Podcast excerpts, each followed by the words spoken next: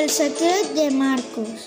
El meu nom és Marcos i començaré contant-vos que aquesta història té lloc en un poble de la província d'Alacant, concretament a Monòver.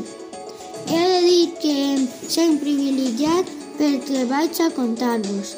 Tinc la gran sort de viure en el camp, enmig de la natura i amb vistes al meu poble, des d'on puc veure l'ermita de Santa Bàrbara, el castell, la torre del rellotge i l'església de Sant Joan Baptista.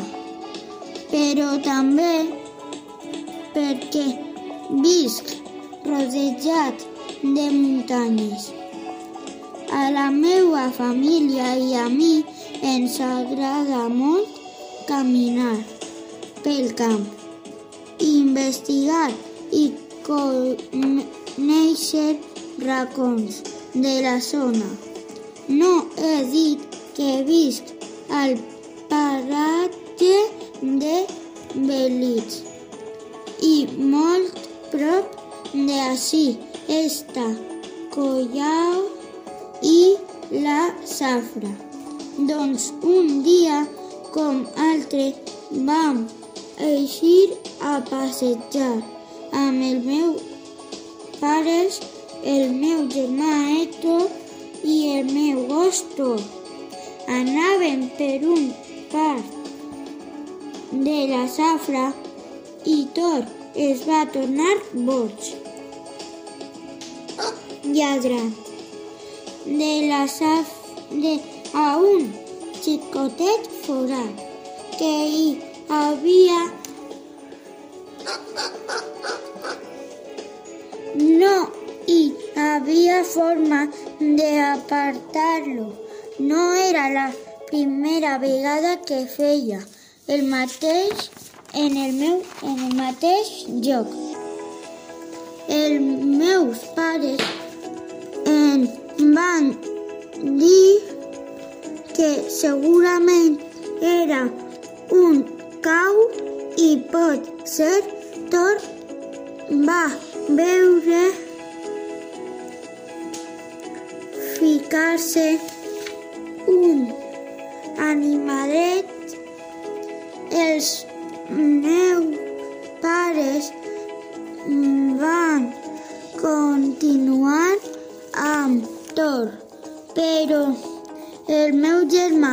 jo ens vam quedar investigant. Vam començar a excavar un poc en el forat, però no vam trobar res. Doncs és com estaven en la mania van estar mirant pel voltant i vam veure que hi havia un, una filera de forats molt seguits. Els vam seguir i vam arribar a un gran forat en la muntanya en un lloc molt amagat. Pareixia una cova i ens donava molta por entrar perquè estava molt fosc. El meu germà, que és major que jo, duia mòbil.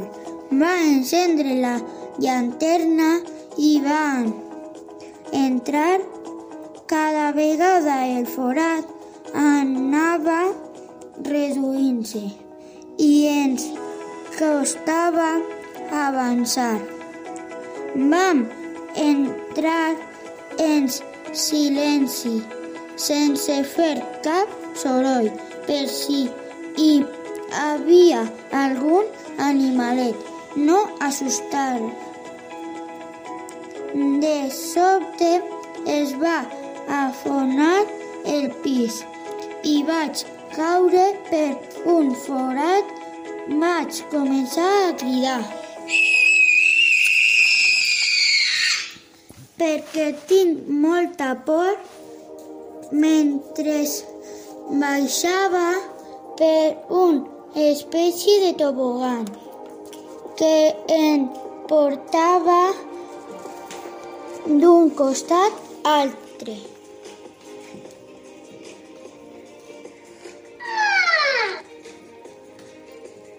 Quan per fi vaig parar a terra, em vaig adonar de que hi havia caigut en una trampa i em vaig encontrar en un lloc que mai hi hagués pogut imaginar.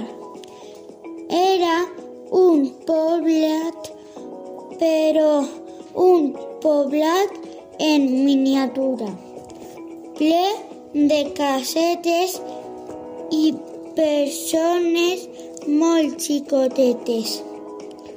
Estaven tots espantats perquè pensaven que jo anava a fer-los em van radejar per intentant desfendre's de mi, però després hi vam poder parlar tranquil·lament. Em van oferir menjar, em van ensenyar el seu poble i tot el que feien. És clar que no vaig poder entrar a les seues cases perquè eren massa xicotetes, però vaig començar a conèixer a uns certs meravellosos. També em van contar com era la seva vida i part de la seva història. Sols eixien d'aquella cova de nit quan no hi ha ningú que els puga veure i fer mal. Aleshores aprofitaven per poder ajudar a agafar aliments, plantes per fer medicines i xicotetes branques per construir-se les seues casetes. Replegaven l'aigua i molts, moltíssimes més coses.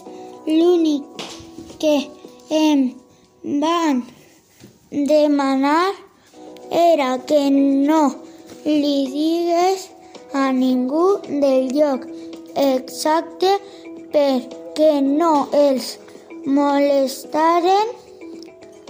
Finalment entraven, ens van ajudar a eixir de la cova i estaven els meus pares i el meu germà desesperats,